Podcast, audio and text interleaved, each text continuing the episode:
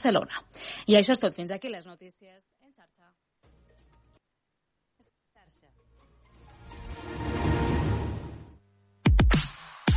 Aquest estiu, obert per vacances. Cada matí, de 9 a 11, a la teva ràdio local. Amb Manel Ferrer. Molt bon dia, què tal? Benvinguts a l'Obert d'avui divendres 4 d'agost del 2023. Una nit en la que sembla que la calor ens ha donat una mica de treva i un matí en el que hem conegut que el Pla Alfa per risc d'incendi s'ha ampliat al doble de municipis que ahir.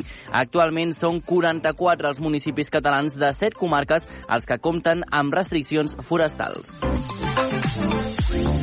Els bombers davant aquest episodi reforçaran almenys tres parts de cada regió d'emergències, posant especial èmfasi a la zona de risc més alt. Així, a l'Empordà s'han doblat els torns dels parcs de Llançà, Roses i Torroella de Montgrí. En aquesta zona s'han suspès les autoritzacions de qualsevol activitat que pugui suposar risc d'incendi. Si les condicions no milloren, les mesures es podrien allargar durant tot el cap de setmana.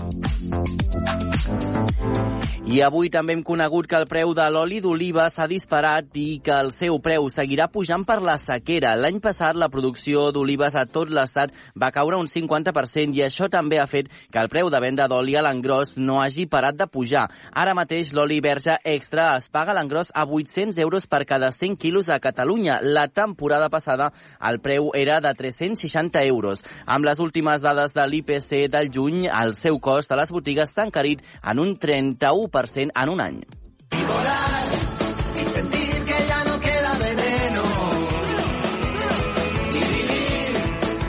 I parlem de volar perquè el Ministeri de Consum ha obert un expedient sancionador a diverses aerolínies low cost per cobrar per l'equipatge de mà. La multa podria ser d'un milió d'euros o de fins a vuit vegades el benefici que s'hagi aconseguit amb les pràctiques fraudulentes si aquest benefici supera el milió d'euros. A més, també s'està investigant si aquestes companyies estan cobrant una quantitat extra per voler reservar un seient al costat del comprat quan es vol acompanyar a un menor o una persona dependent. Tots els serveis haurien d'estar inclosos en el preu del bitllet i no es poden cobrar a part. Les empreses que de moment estan sent expedientades pel Ministeri de Consum són Ryanair, Vueling, EasyJet i Boletea. y sentir que ya no queda veneno. En el programa d'avui us donarem consells per pal·liar la calor. Parlarem amb Jordi Molís, cap de l'àrea d'abastament d'aigua de l'ACA, perquè s'està decretant per primer cop l'emergència per sequera i descobrim el nostre guanyador de la cançó de l'estiu d'aquesta setmana, concurs en el qual encara hi pots participar. Només ens has d'enviar una nota d'àudio al 628 841 055, el repeteixo, 628 841 055, amb el teu nom, des d'on ens escrius, el nom de la teva cançó de l'estiu i el per què. En joc, atenció, 60 eurets per la teva targeta moneder de bon preu esclat. Obert per vacances amb Manel Ferrer.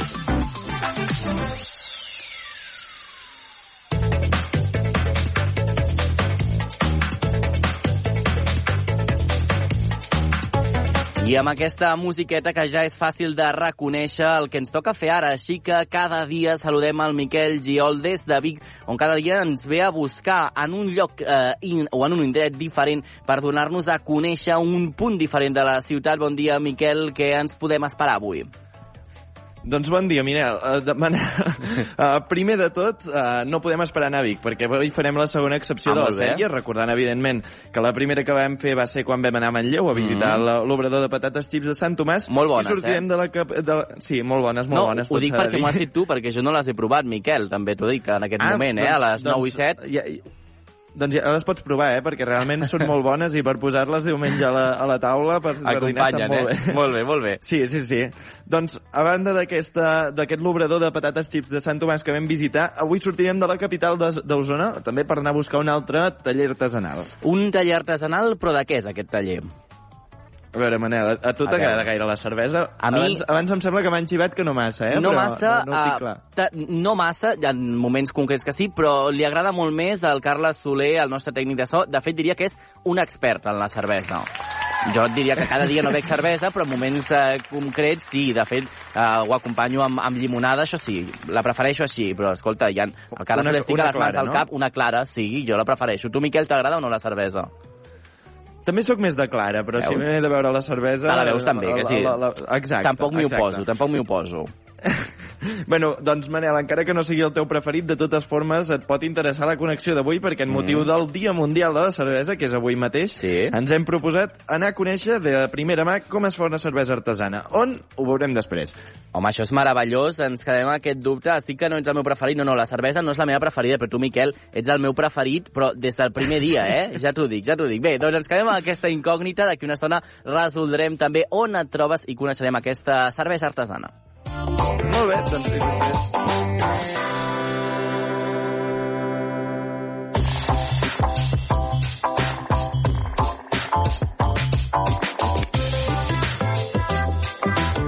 Amb l'estiu arriba el bon temps, la platja i les tardes a les terrasses amb amics, però també puja la temperatura i els riscos de patir insolacions. I és que el 18 de juliol van saltar totes les alarmes perquè els municipis de Darnius i Nàvata a l'Alt Empordà es van registrar unes màximes de més de 45 graus rècord de calor des del 2019. Malauradament, només l'estiu passat la calor va matar més de 11.300 persones a Espanya. D'aquestes morts, més de 1.700 van tenir lloc a Catalunya. Àngel Hernández, bon dia. Molt bon dia, Manel. Com Què tal? estem? Molt bé, i tu? Bueno, és una mica pitjor que tu, segurament, perquè acabo d'escoltar que el Miquel Giol de Vic és el teu preferit des del primer dia. Potser m'he m'he avançat. Uh, guardem això per l'últim dia de programa. M'he deixat anar, m'he deixat anar perquè... anar. Sí, M'hauré de, sí. posar, m'hauré de posar una mica envejós, eh? Hauré de tenir una mica d'enveja. Tu has de guanyar, tu has de guanyar. Enveja Val. Ràdio, molt bona ràdio. També ho hem de dir, també a l'Obert per Vacances. Va, som-hi. Molt bé, doncs anem al que toca. Doncs per disminuir el risc de patir un cop de calor, les autoritats sanitàries recomanen, per exemple, evitar el sol directe al carrer i no fer esport durant les hores centrals del dia. També recomanen controlar la temperatura de casa, tancant les persianes allà on el sol toca de ple. D'altra banda, crec que pels nostres oients serà molt interessant i rellevant un estudi de la Universitat Estatal de Pensilvània, als Estats Units. Ja saps que els americans fan Mhm. estudis per tot. I és que aquesta corrobora que una calor menys intensa, però amb una humitat elevada, pot dificultar que el nostre organisme respongui i pugui regular així la nostra temperatura interna. Si el cos no és capaç de regular la temperatura, és quan es produeix un cop de calor. En aquest estudi que van fer els estudiosos nord-americans, els investigadors van ficar homes i dones sants en una cambra amb sensors que mesuraven la temperatura corporal, mentre que els estudiosos, com deia, feien variar la temperatura i la humitat. Els resultats indiquen que una temperatura de 31 graus amb una humitat del 100% és el límit perquè l'organisme respongui. Si la humitat, d'altra banda, és del 60%, la temperatura a la qual el cos encara és capaç de respondre és de 38 graus, Manel. Mm -hmm. Carai, Déu-n'hi-do, eh? Déu-n'hi-do de les temperatures, eh, per tant, és importantíssim que ens protegim, Àngel, per parlar d'aquest assumpte. Avui tenim amb nosaltres el Jaume Català, coordinador del Servei d'Infermeria del Cap Morera, Pomar de Badalona, dels serveis assistencials. Bon dia, com estàs, Jaume? Molt bon dia, molt bé, eh, i a més avui, que és una nit, la nit més fresca de l'estiu Sí. que hem tingut per ara, vull dir que... L'hem gaudit. Bon dia també per parlar de, de, del tema. Exacte, hem parlat una mica de que el cop de calor cada cop eh, doncs es produeix quan el cos és incapaç de regular la temperatura interna, però per què es produeix i a quins òrgans afecten aquestes baixades o aquestes pujades de temperatura, mai millor dit? A veure, per què es produeix? És perquè és com si el termostat del cos eh, se'ns espatlla i no funciona. I, clar, perdem la percepció de temperatura i la temperatura augmenta. A òrgans que afecta, no afecta uns òrgans en concret. És un, eh, la temperatura eh, és sistèmica, o sigui, afecta a tot el cos. Sí que pot arribar a haver-hi una aturada cardiorrespiratòria, podem deixar de respirar, podem deixar... I, i això és un tema, ja, ja és una, un problema sistèmic de tot el cos, no tant d'uns òrgans i d'un sistema en concret, vale? com pot ser el digestiu, que podem tenir nàusees, però quan hi ha febre i un cop de calor així molt sever, hi ha pèrdua de consciència i el tema, eh, el problema és més sistèmic. Estaves comentant algunes pinzellades d'alguns símptomes que els cops de calor fan, i és que el Departament de Salut de la Generalitat estableix que l'augment de la temperatura per sobre dels 40 graus, el mal de cap i les nàusees i els vòmits doncs, són alguns dels símptomes que aquest un cop de calor produeix. Però també, Jaume, ens podries comentar alguns altres que potser no són tan coneguts pels nostres oients i que també reflecteixen que la persona està patint un cop de calor? Sí, uh, per diferenciar una miqueta d'un estat de febre, com ara també tenim Covid, que, que està que està al, al, a l'ordre del dia, perquè hi torna a haver una repuntada aquest estiu, però diferent dels altres anys, però per diferenciar d'una febre, sí que és veritat que la temperatura corporal augmenta, augmenta molt, perquè està pel, pel damunt dels 40 graus, però no hi ha suor. Vull dir que és, eh, jo crec que és un, una manera de diferenciar una miqueta el cop de calor de d'una altra, altra patologia, d'un altre problema que puguem tenir, amb el fet de que augmenta la temperatura, la pell es, es nota molt calenta, però en canvi no hi ha suor. I pot haver-hi, com ja heu comentat i molt ben, molt ben argumentat, eh, us heu informat molt bé, eh, de que hi ha mal de cap, malestar general, de mareig, confusió, i pot haver-hi nàusees, vull dir, un tema és, el tema és aquest, i confusió sobretot, també, confusió mental, vull dir, una apatia com un cansament molt profund també, vull dir, això, tot això pot donar. Però jo crec que el que podem diferenciar més és això, que tenim la pell calenta però no hi ha suor. De fet, eh, Jaume, ens deies també alguns d'aquests eh, símptomes que poden aparèixer i que ens poden fer detectar doncs, eh, un d'aquests eh, cops de calor. Què hem de fer si comencem a sentir aquests símptomes o si tenim algú a prop que pot estar patint aquests símptomes? Com hem d'actuar aquí? A veure, uh, bueno, tant si, tenim, si, si ho patim i som conscients, mm. ho podem fer nosaltres mateixos, però més que res és quan ens trobem amb una persona que, que, que té aquest problema. El primer que hem de fer és allunyar la persona de la font de calor. Si està enmig del carrer Mm. a, a, a ple sol, pues el properem a una zona que hi hagi ombra. Val? Si està a una casa que hi ha una zona més fresca que l'altra, o també el mateix. O apropar-lo a, una, a sortir de la font de calor. També podem baixar la temperatura de la casa, obrint finestres, posant aire, a ventiladors, el que sigui, m'entens? Baixar la temperatura, fugir de la font de calor, si aquesta persona va molt tapada de roba, que a vegades passa, i passa a ple estiu, és treure roba, alleugerir de la roba i eh, es pot mullar a la persona. Mullar, no donar aigua. O sigui, si la persona està inconscient, el que no farem serà hidratar... Que avui venc a parlar de que ens hem d'hidratar molt, però just quan una persona està inconscient amb un cop de calor, no li don- no l'obligarem a beure. Però sí que el mullarem. Val? Li podem mullar la cara, fins i tot la roba una mica, podem tirar-li una miqueta d'aigua amb, una, amb una tovallola, amb un tovalló, el que sigui, anar-li anar mullant, val? mullant la pell.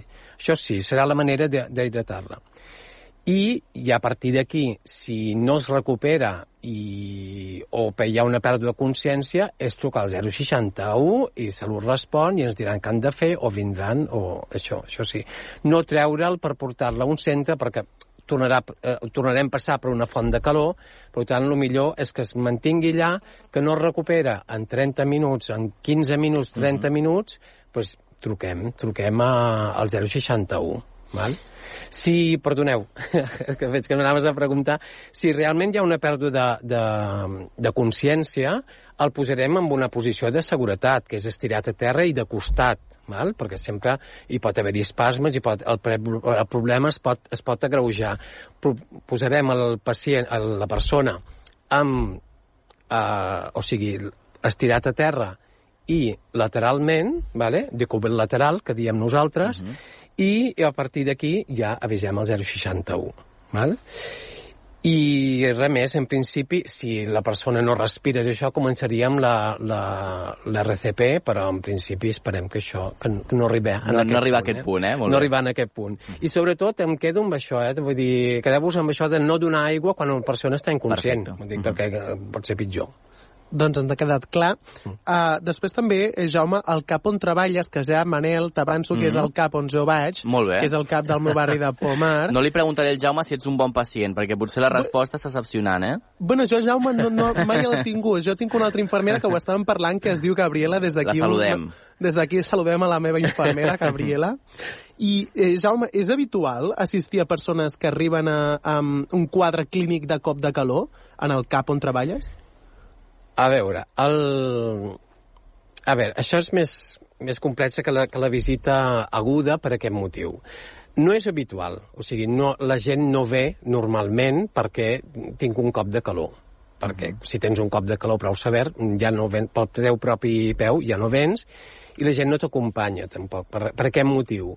El que sí que estem fent des de primària és que mm, suposo que haureu sentit a parlar del POX, que és el pla operatiu per a prevenir els efectes de l'onada de calor, que això eh, va començar el 2003-2004, que es va veure, hi va haver un, un estiu, que hi va haver una, unes onades de calor molt grans, i es va veure aquell estiu que hi va haver moltes morts amb gent amb problemes, eh, amb malalties eh, cròniques, gent gran, i a partir d'aquí va sortir aquest... Eh, es va fer un estudi i a partir d'aquí eh, ha començat el programa cada estiu um, en referit amb aquest tema de, del cops, dels cops de calor, de les onades de calor. Què passa? Nosaltres des de primària el que fem és trucar al, al personal de risc, o sigui, les persones que tenen més risc, els hi truquem, els hi enviem SMS, a les visites que fem de controls que anem fent durant l'estiu o a les visites a domicili, que també fem molta activitat domiciliària, sempre donem aquests consells o mirem com està. Uh, treball social també treballa molt per les persones que viuen soles de tenir un contacte. Que això, de fet, ho podem fer entre tots. De fet, és recomanable que si coneixem algú que viu sol, quan hi ha una època d'onada de calor, el que hem de fer és estar pendent d'aquella persona, de trucar-li matí, tarda, anar-lo a veure, per veure que no li falti de res, que estigui bé, perquè un cop de calor el podem tenir sense això. I després també parlant de persones que estan soles, doncs, uh, per què les persones de més grans de 75 anys i els nens de menys de 4 anys doncs, són el, un dels col·lectius més vulnerables a patir un cop de calor? Un nen de 4 anys sí, però el, està més, més enfocat cap als nadons. No et dirà que té 7. O sigui, tindrà... No t'ho pot dir. Ho has d'intuir que té 7. Però això és més vulnerable. I una persona gran no té aquesta percepció de tenir set. L'ha perdut. I es, es pot deshidratar, però no té la sensació de set. Per això és molt important la, la, la base de tot això és que estem ben hidratats. I aquesta, aquests grups de persones la hidratació no se la poden autoadministrar d'alguna manera, uns perquè no tenen la percepció i els altres perquè no t'ho poden expressar. Més que res per això. Però la hidratació la necessitem Doncs- a totes les edats. Aquesta hidratació importantíssima i també doncs, amagar-nos una mica també doncs, aquestes hores de màxima exposició. Eh, Jaume, gràcies per acompanyar-nos avui a l'Obert per Vacances. Et tornem a convidar perquè tens eh, moltíssimes coses per explicar-nos, però abans bé, de, de marxar necessitem la teva ajuda perquè avui estem fent el sorteig de la nostra cançó de l'estiu. Hi ha una persona que acabarà al matí, Jaume, fixa't, amb 60 eurets eh, per gastar a bon preu esclat. Perquè això passi ens has de dir un número, el que tu vulguis, de l'1 al 48. De l'1 al 48. Sí. Doncs el 39. El 39, perfecte. Doncs Jaume, moltes gràcies per acompanyar-nos per aquesta entrevista tan didàctica i gràcies també a Àngel Hernández per també estar en aquesta conversa. Fins la propera. Moltes gràcies, Manel. bé. Fins ara. Espero ser el teu preferit. Esperem, ho treballarem.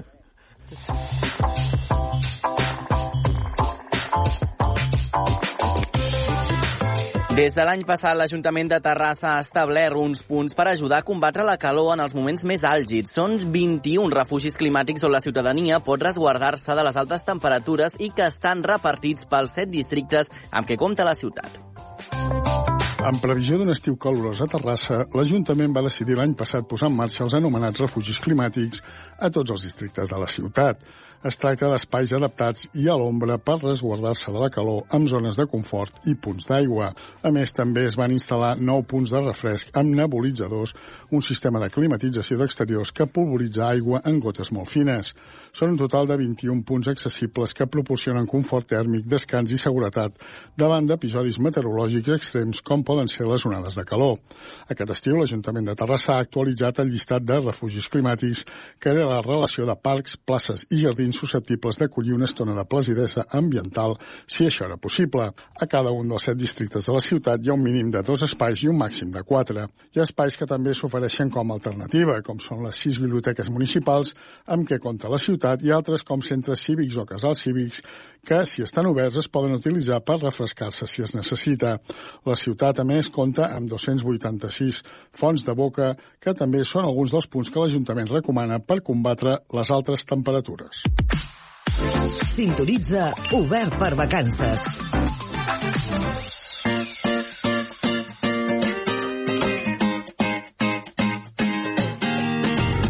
9.23, la situació de sequera ha provocat moltíssima a tota Catalunya per tots els seus efectes, com dificultats d'abastiment en municipis i a conreus o l'increment de risc d'incendis. Al Baix Camp, el gran drama ha estat protagonitzat pels pantans de Siurana i Riu de Canyes, que actualment es troben vora el 5%, 5% de la seva capacitat total, i fa pocs dies l'Agència Catalana de l'Aigua anunciava que el pantà de Riu de Canyes i els dos municipis que depenen d'ell, Dues Aigües i Riu de Canyes, entraven en situació d'emergència per sequera. Per parlar de tot plegat ho fem amb en Jordi Molís, cap de l'àrea d'abastiment d'aigua de l'ACA. Com estàs? Bon dia, Jordi. Hola, bon dia. Ens acompanya també la nostra companya, Laura Navarro, de Baix Camp Ràdio. Bon dia, Laura. Bon dia, Manel, què tal? Molt bé, uh, ho comentàvem ara, Jordi, el riu de Canyes i Siurana no són precisament grans uh, embassaments si els comparem amb altres a Catalunya, però podem estar parlant que són els que actualment estan uh, patint una situació més crítica, no?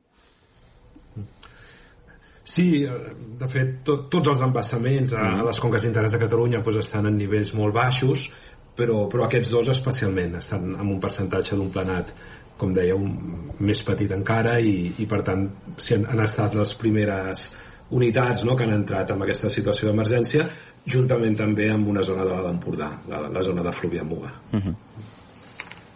Laura, quan vulguis, eh? Sí, sí, eh, exactament. Eh, com has explicat abans, Manel, eh, els pantans de Siurana i Riu de Canyes estan pràcticament buits. M'atreveria inclús a dir que és una de les situacions que fa més de 100 anys que no passa i la veritat és que fa una miqueta de por, no, no t'enganyaré. Uh -huh. Doncs eh, aquesta situació és eh, ben eh, complicada. De fet, eh, eh, per conèixer també una mica la situació una mica més global, eh, Jordi, explica'ns eh, quina és la situació en termes eh, de Catalunya, de, de territori, actualment, doncs, eh, del nivell d'aigua que tenim i de les restriccions també que s'estan aplicant en aquests municipis que ja compten amb aquesta emergència. Sí, doncs actualment a, a les conques de Cata internes de Catalunya els embassaments estan un 27% d'un planat. Aquest és el, el valor mitjà i, i és més o menys també doncs, el valor que hi ha doncs, en el sistema Ter Llobregat o uh -huh. el sistema um, Foix. Um, hi ha zones que estan una mica pitjor, la zona de, de, de la Muga, d'Ernest Boadell, està un 20% d'un planat, i aquest àmbit no, que, que ara estem comentant de Ciurana Riu de Canyes està un 6%. No? Per tant, és efectivament la zona on els embassaments són, estan menys, més buits també és cert doncs, que en, en allò que depèn de l'abastament d'aigua potable, no? que és mm -hmm. la, la primera prioritat, doncs també els municipis que en depenen tenen poblacions més petites, no? per tant doncs, eh, encara hi ha reserves no? per, per, per satisfer el, els usos de boca, els usos d'abastament municipal, eh, però tota la resta d'usos, no? i concretament el rec, doncs, eh, s'han d'interrompre. -huh. De fet, eh, Jordi, eh, dèiem que es decreta per primer cop aquesta emergència per sequera. Eh, Explica'ns una mica també eh, què és aquest limitament i què és el que limiten els municipis que es troben eh, afectats. Doncs efectivament, ara hi ha 24 municipis que, que, que entren en aquesta situació mm. d'emergència, de, dos eh, en aquesta zona de Riu de Canyes, que són el, el propi Ajuntament de Riu de Canyes i, i dues aigües, i 22 en, en l'Alt Empordà, eh, que, que en aquest cas són municipis que depenen de- d'un aqüífer, de, de l'aqüífer del Fluvià Muga.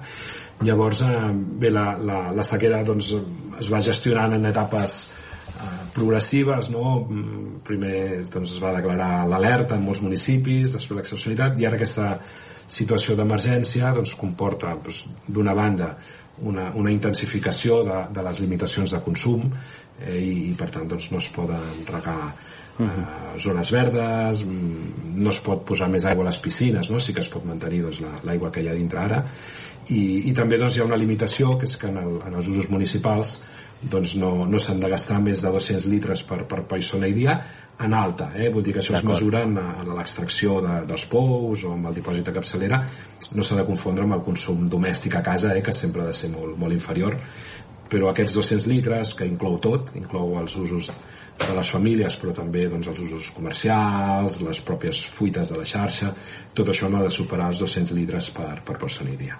Uh -huh. uh, Laura, tu que estàs en una zona afectada, no sé si tens alguna pregunta per fer-li al, al Jordi més concreta. Sí, mira, el primer efecte per l'estat actual dels pantans, no, ja, ja el coneixem des de fa temps, que és que el pantà no podrà subministrar aigua als pagesos del Baix Camí al Tarragonès, com bé has dit tu, Jordi, però també està el tema de garantir l'aigua de boca a Riu de Canyes, i jo tinc una pregunta, és hi ha por perquè això no es pugui complir? Bé, ara a l'embassament de Riu de Canyes hi ha un, uns 270.000 eh, metres cúbics, eh? per tant és, és una quantitat que, que si només es destina doncs, a l'abastament d'aquesta població doncs eh, suposa molt de temps de, de reserves. Eh?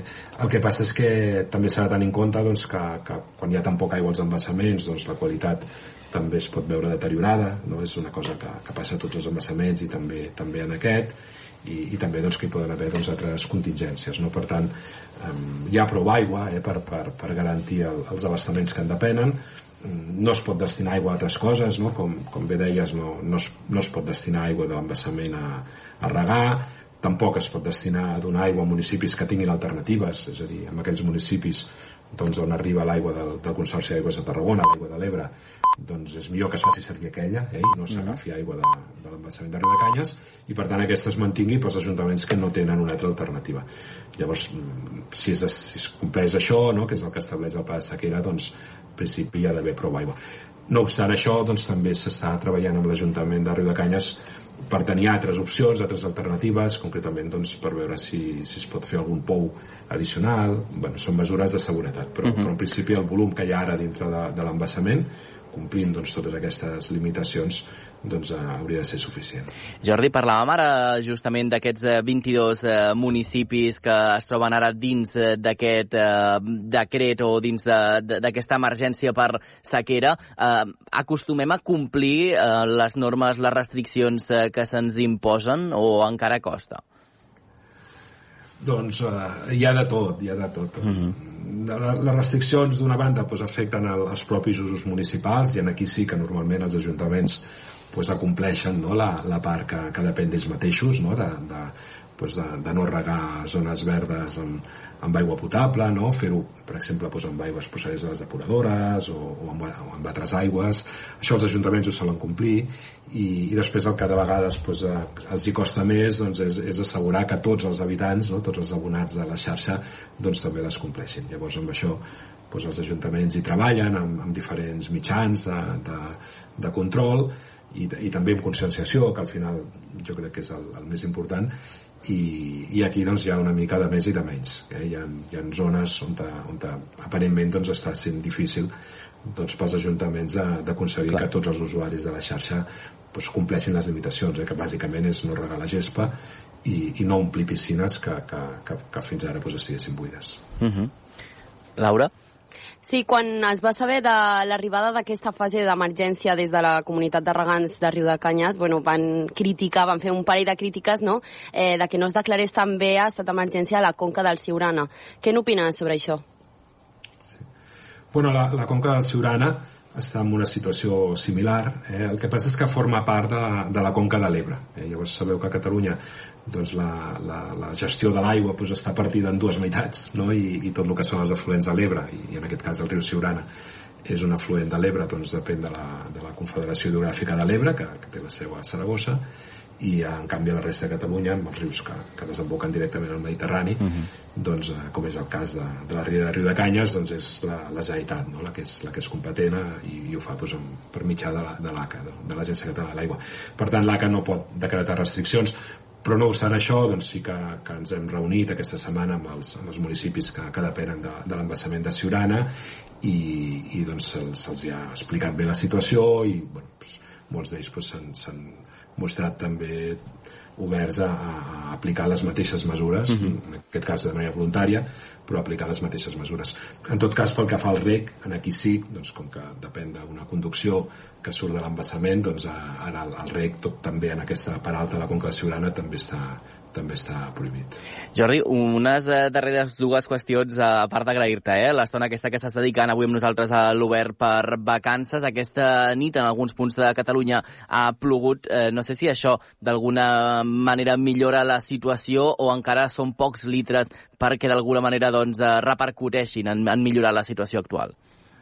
Uh, són pocs litres, són pocs litres clar, pensem que ja fa 3 anys que tenim sequera, és a dir, portem 3 anys que pràcticament tots els mesos, amb, amb molt poques excepcions, doncs ha plogut menys de, de la mitjana. No? Llavors, clar, la, la situació de dèficit que, que s'ha acumulat és molt gran. Eh? En, el, en els embassaments, en els aquífers, a tot arreu doncs hem, hem anat perdent reserves no? durant aquests 3 anys i, i per tant doncs, aquí caldran pluges intenses per poder recuperar això. Mm. Les pluges del juny sí que van tenir un efecte eh, i, i alguns embassaments es van recuperar una mica, tampoc molt. Eh? En el cas de, del Ter Llobregat, per exemple, doncs vam recuperar un 5% de, de reserves.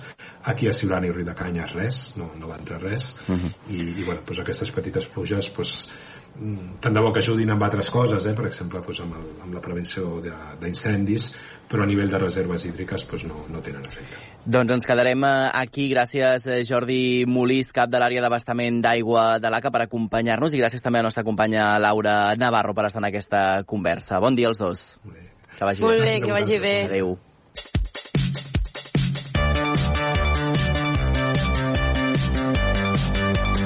Nou 34. Les persones que escolten i que conviuen amb un gos a casa seva coneixen perfectament la lleialtat, l'estimació i la intel·ligència d'aquests animals. Alguns gossos treballen al servei de la comunitat i són d'una ajuda fonamental en situacions d'emergència on cal buscar o rescatar persones. Avui a l'espai que anomenem Idees de Bombero ens ocupem d'aquests agents especials de salvament que són els gossos ensinistrats en el rastreig i en la cerca. El nostre company Pau Duran de Ràdio Sabadell n'ha parlat amb especialistes de bombers de la Generalitat. Encara que als nostres ulls és molt difícil trobar una persona extraviada, els bombers tenen la inestimable ajuda d'uns altres mamífers per fer-ho, els gossos. Avui, a l'Idees de Bombero, ens preguntem com es treballa amb un gos? Idees de Bombero.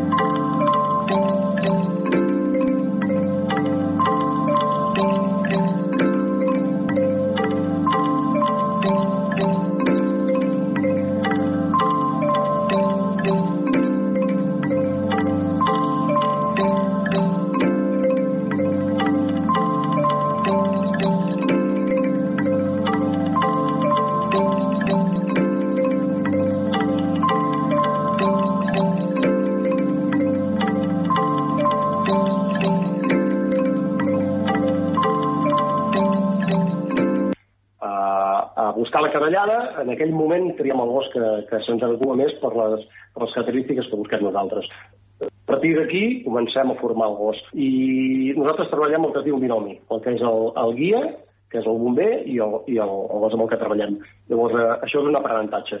I el gos el anem formant, anem fent, anem fent cursos, eh, fem formacions a dins de la casa i en, entre tots el, el formem, aquest gos. I ja és el que diguem, hi ha, hi ha les dues modalitats, el gos de rastre i el gos de venteig, i són dos entrenaments completament diferents. No sé si la durada d'aquests entrenaments és gaire llarga. Doncs des de que comencem als dos mesos fins que, bueno, tota la vida. No, no es pot parar de- d'entrenar. Qualsevol, entre, qualsevol entrenament que fem, ja sigui el primer com a l'últim, sempre acabes aprenent alguna cosa. Per tant, eh, és, és, és a diari. Però què podríem dir que triga un gos a dir, va, ja està llest per començar a fer recerca? La veritat és que fins que no entres, a, bueno, no arribes a tenir la connexió eh, gos-guia i, i saps llegir bé el teu gos, l'entens que està fent, fins que no arriba aquest moment no podem dir que estem preparats, perquè el gos ens, ens fa... Nosaltres el que fem és eh, estudiar els seus moviments, la seva manera de, de, de, de moure's en, quan té rastre o quan no té rastre, i, i clar, fins que tu no entens això, no pots dir que estàs preparat per, per poder treballar. Heu parlat de gent extraviada, m'he imaginat un bosc, per exemple, que és algun dels casos que hi ha hagut freqüentment. No sé si, per exemple, quan hi ha neu, aquesta recerca es complica més o canvien les condicions? Doncs sí, és una, és una bona pregunta, és una bona pregunta, perquè, per exemple, quan parlem de buscar una persona, el que diguem nosaltres, en grans àrees, amb, amb un bosc, que és l'imatge que tenim tots d'una persona que s'ha perdut al bosc, aquí podem treballar eh, el que en diem la maniobra combinada. Comença el gos de rastre a, a seguir el rastre d'aquesta persona i quan aquest gos eh, per dir alguna cosa, l'olor, a partir d'aquell moment eh, fem la maniobra combinada amb el, amb el gos de venteig. Què passa? Que quan anem eh, amb una llau, amb una llau, eh, quan ha quedat gent soterrada amb una llau que ha baixat vessant avall, doncs el gos de rastre no entra a treballar, precisament perquè no hi ha rastre. Llavors, amb, amb els allaus només treballen els gossos de venteig. I sí, evidentment és més complicat perquè la persona, normalment quan anem a buscar la persona, la, la trobem en superfície.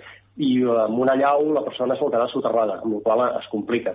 Però vaja, tot això s'entrena i els gossos de, de venteig són molt efectius amb allaus. No sé si també el, el poden treballar en cas, per exemple, d'edificis col·lapsats. Com es treballa aquí?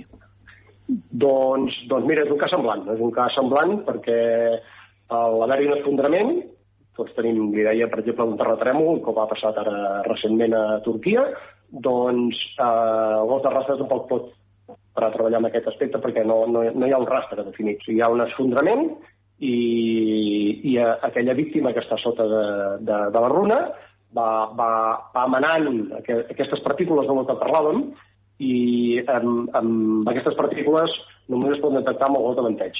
Val? Llavors els gossos de rastre aquí estan una mica més limitats, bàsicament no, no treballen amb, amb estructures col·lapsades, amb esfondraments, amb terratrèmols, i tot això es treballa amb gos de, de. Pot ser que n'hi hagi algun que fins i tot pugui detectar, pugui arribar a localitzar gent sota l'aigua? Sí, sí, sí. Mira, nosaltres uh, uh, ara mateix estem intentant uh, treballar amb, amb aquesta, aquesta tipologia de, de recerca. Eh? Eh, és bastant complicat, però quan una persona... Eh, és complicat per, pel medi, eh? eh? Quan una persona està enfonsada, s'ha apagat, eh, acabem sempre estem desprenent eh, eh, gasos, partícules que acaben sortint a la superfície tant d'un edifici com d'una llau o com a dins de l'aigua. El problema de, de, de l'aigua és que hi ha corrents, eh, si és un riu, doncs es va, es va desplaçant riu avall, i clar, no és que quan surtin les partícules que la persona està sota. Val? Eh, segurament està uns metres més amunt o, o bastants metres més amunt.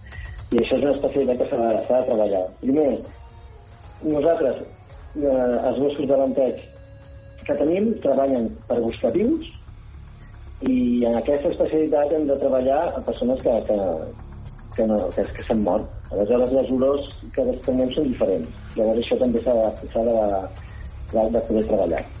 Andreu Morera i Llorenç Parera, del grup Caní de Recerca dels Bombers de la Generalitat, gràcies per atendre la trucada de l'Obert per Vacances.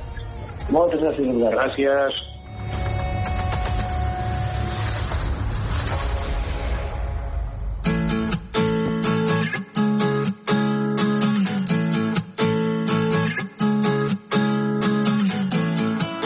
Aquestes idees de bombero que ja podeu recuperar a la xarxa Més, com també podeu recuperar l'episodi del Ni fred ni calor d'avui a la xarxa Més. El restaurant Les Moles d'Ull de Cona està reconegut amb una estrella Michelin. El seu xef, Jeroni Castell, ens ensenya a preparar un ajo blanco. Es posa al davantal amb la companya de la Plana Ràdio, Tere Giner.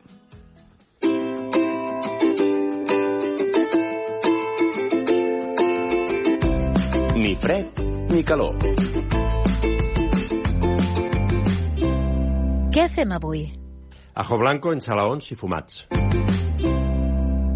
Què necessitem? Eh, 900 eh, d'aigua, un, una dent d'all, 250 grams de mela crua pelada, una miqueta de pebre blanc, una miqueta de sal, 100 grams de vinagre de jerez, 100 d'oli d'oliva verge extra, 50 eh, grams de pa. I a part, anchoves, una miqueta d'anguila fumada, unes tomàquets cherry, unes olives negres sense pinyol, a nous, una mica de, cebol, de cebollí, cibolet fresc i una miqueta més d'oli. Jeroni Castell és el xef del restaurant Les Moles d'Ulldecona, un dels restaurants aquí a les Terres de l'Ebre amb estrella Michelin. Eh, també té dos sols Repsol i una estrella verda. És eh, un xef d'aquests imparables, sempre està realitzant activitats. Ha escrit dos llibres, realitza xerrades i no sabem ben bé si es fica o no es fica molt a la cuina. Per això avui volem parlar amb ell. Jeroni, benvingut, gràcies, bon dia. Hola, bon dia.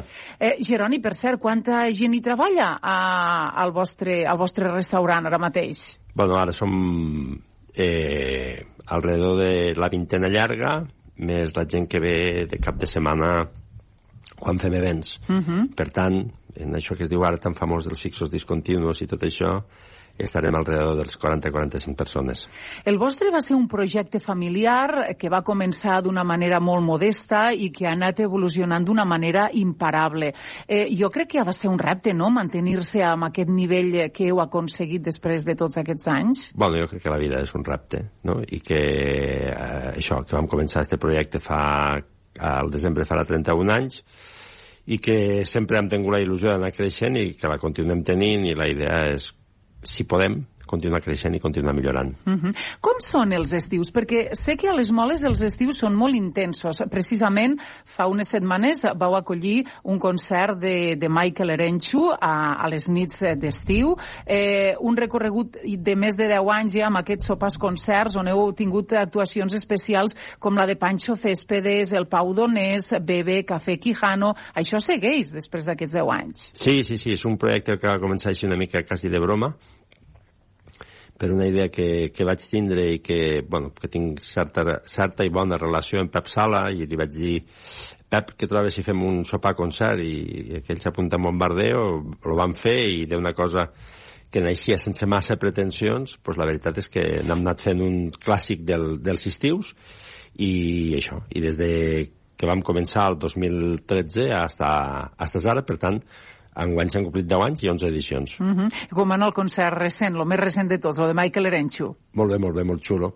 Sobretot la gent vam xal... Dic, anava a dir va, no, m'apunto, vam xalar molt, no? A l'última fase del concert, quan va posar, quan va cantar tots els clàssics de Duncan Du i els que ja tenim una edat i la, les recordem i les vam cantar, les havíem cantat totes en el seu moment, però les vam tornar a cantar, ens vam passar molt bé. Jo a l'inici dia que has escrit dos llibres. El més recent és La cuina de sempre per a la gent d'avui. Sí.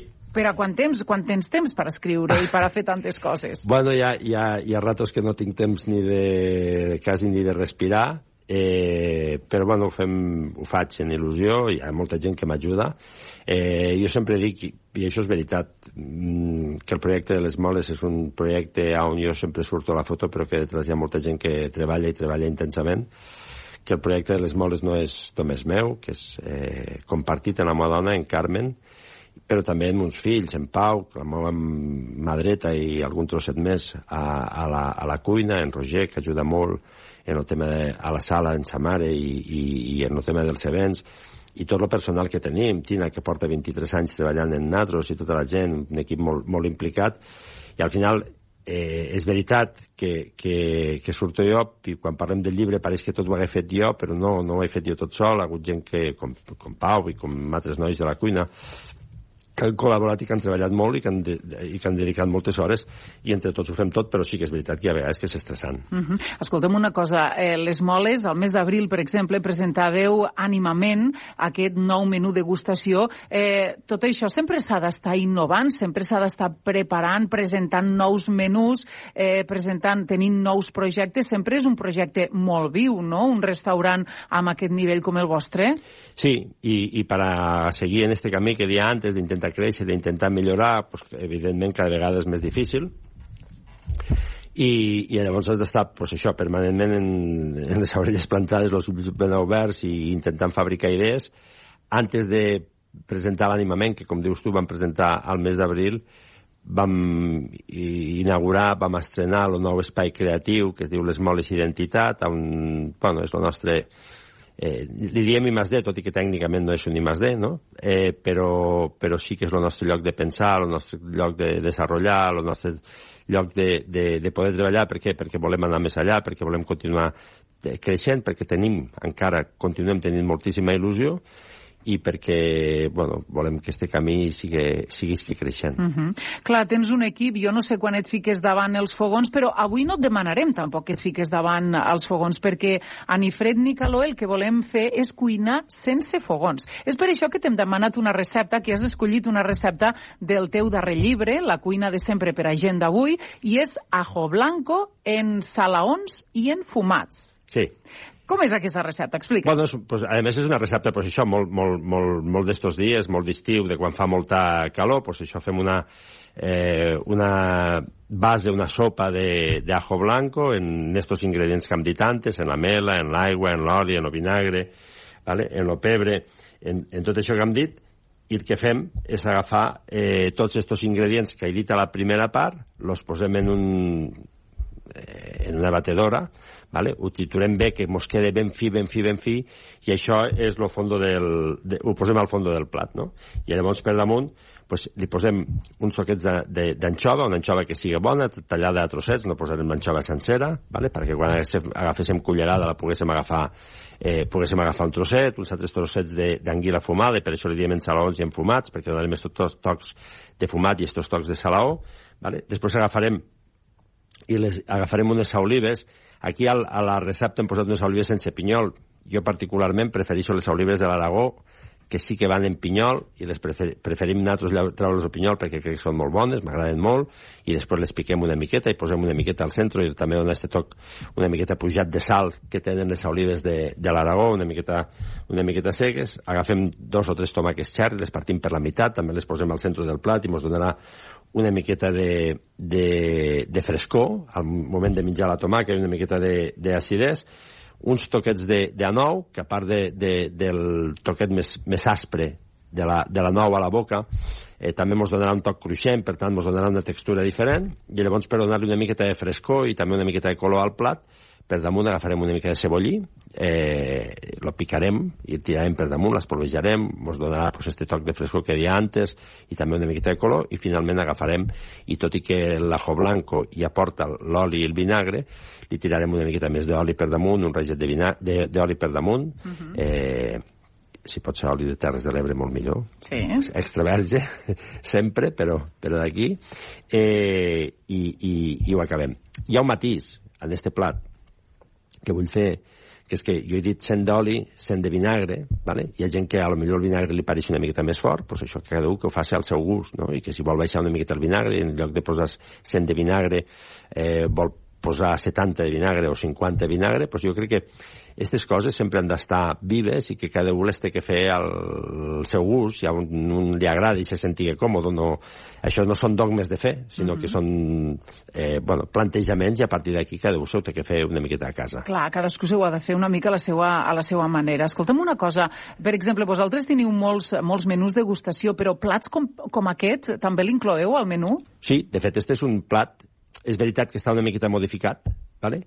Però, però este és un plat que vam tindre al menú de degustació de fa, ara no recordo, però 4 o 5 anys, eh, i, i per exemple, les tomàquets cherry allà les posàvem una mica confitades, una mica de soja i tal, bueno, eh, perquè ho fem un envasat al buit i totes aquestes històries que fotem mm -hmm. nosaltres als restaurants, sí. però a casa pot ser, ho, ho, ho hem simplificat una mica per a, per a poder-ho fer a casa, però este és un plat que va estar allà.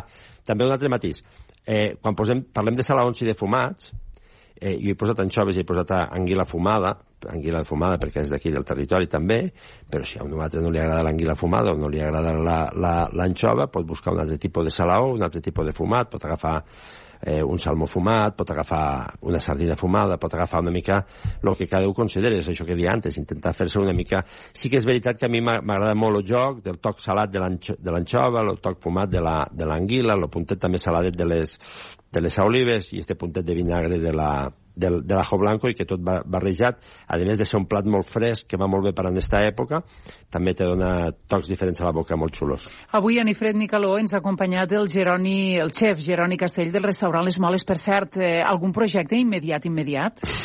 A Les Moles no parem mai en projectes. Ara és veritat que en tenim una, una miqueta més especial, vale? que és que d'aquí tres setmanes se casa amb un fill, Pau, i això és un projecte, això és un projecte de vida, no? I també és veritat que durant aquestes setmanes, bueno, pues a casa anem una mica més atabalats, perquè també hem de preparar nosaltres, evidentment, eh, el sopar del dia del casament de Pau, i, i per tant, és un projecte, de fet, eh, tinc que dir que des de fa tres anys fem tots els anys dos nits d'estiu i enguany només n'han fet una perquè una la programem al juliol, l'altra a l'agost i enguany en el casament de Pau a l'agost vam decidir que ja teníem prou projectes i que l'any que ve si Déu vol tornarem a fer dos nits d'estiu. Geroni, gràcies per deixar-nos entrar a les moles i també una miqueta a la teva vida. Moltíssimes gràcies. Gràcies a tu sempre.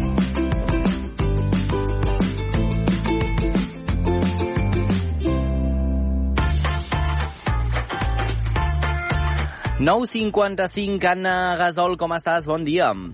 Doncs emocionadíssima, que tenim guanyador, Manel. Tenim guanyador, eh? Tenim guanyador. Anem a resoldre qui és el nostre guanyador. El número premiat és el número 39, que pertany a... L'Arnau Mercader. Bravo! I tenim amb nosaltres l'Arnau Mercader. Arnau, bon dia, com estàs? Benvingut a l'Obert. Hola, bon dia. Escolta'm, Hola, Arnau. Arnau, des d'on ens truques? Ah, doncs jo truco des de Benicarló, però Benicarló. de Lleida. Ets de Lleida, molt bé. Quants anys tens, Arnau? 24. 24, que jove. I quina cançó has escollit? Eh, la de Lala, de Mike Towers, la que Mike Towers. Bona elecció, Anna, podríem dir? No està mal. No està mal, no està mal. Escolta'm, Arnau, t'emportes 60 eurets d'esclat bon preu perquè els gastis amb el que tu vulguis. Eh, amb què te'ls gastaràs? Tens idea? Home, pues ara mateix ve el festival de Cullera que me'n vaig i suposo que Home. per poder aguantar-lo amb els amics ho farem alguna A fer la compra, doncs meravellós. Moltes felicitats, Arnau, que vagi molt bé. Enhorabona, Arnau, Enhorabona. molt bé. Anna, uh, ràpidament, el número de telèfon per seguir participant la gent. 628 841 055. Aquí ens heu d'escriure, aquí ens ha escrit l'Arnau per guanyar aquests 60 euros. Perfecte. Amb el seu nom, des d'on ens escolta i quina creu que és la cançó de l'estiu. Meravellós, seguim recollint respostes, Anna, després xerrem una estona més. Nosaltres marxem amb aquest La La La de Mike Towers. Ens escoltem d'aquí uns minutets a l'Obert per Vacances. No marxeu fins ara. El pino tinto me pidió pausa cuando iba por el quinto. Le di una vuelta por el barrio con la quinco. Ellos cuando me ven de frente quedan trinco. La xarxa de comunicació local. Propostes en xarxa. Què us inspira una cadira plegable?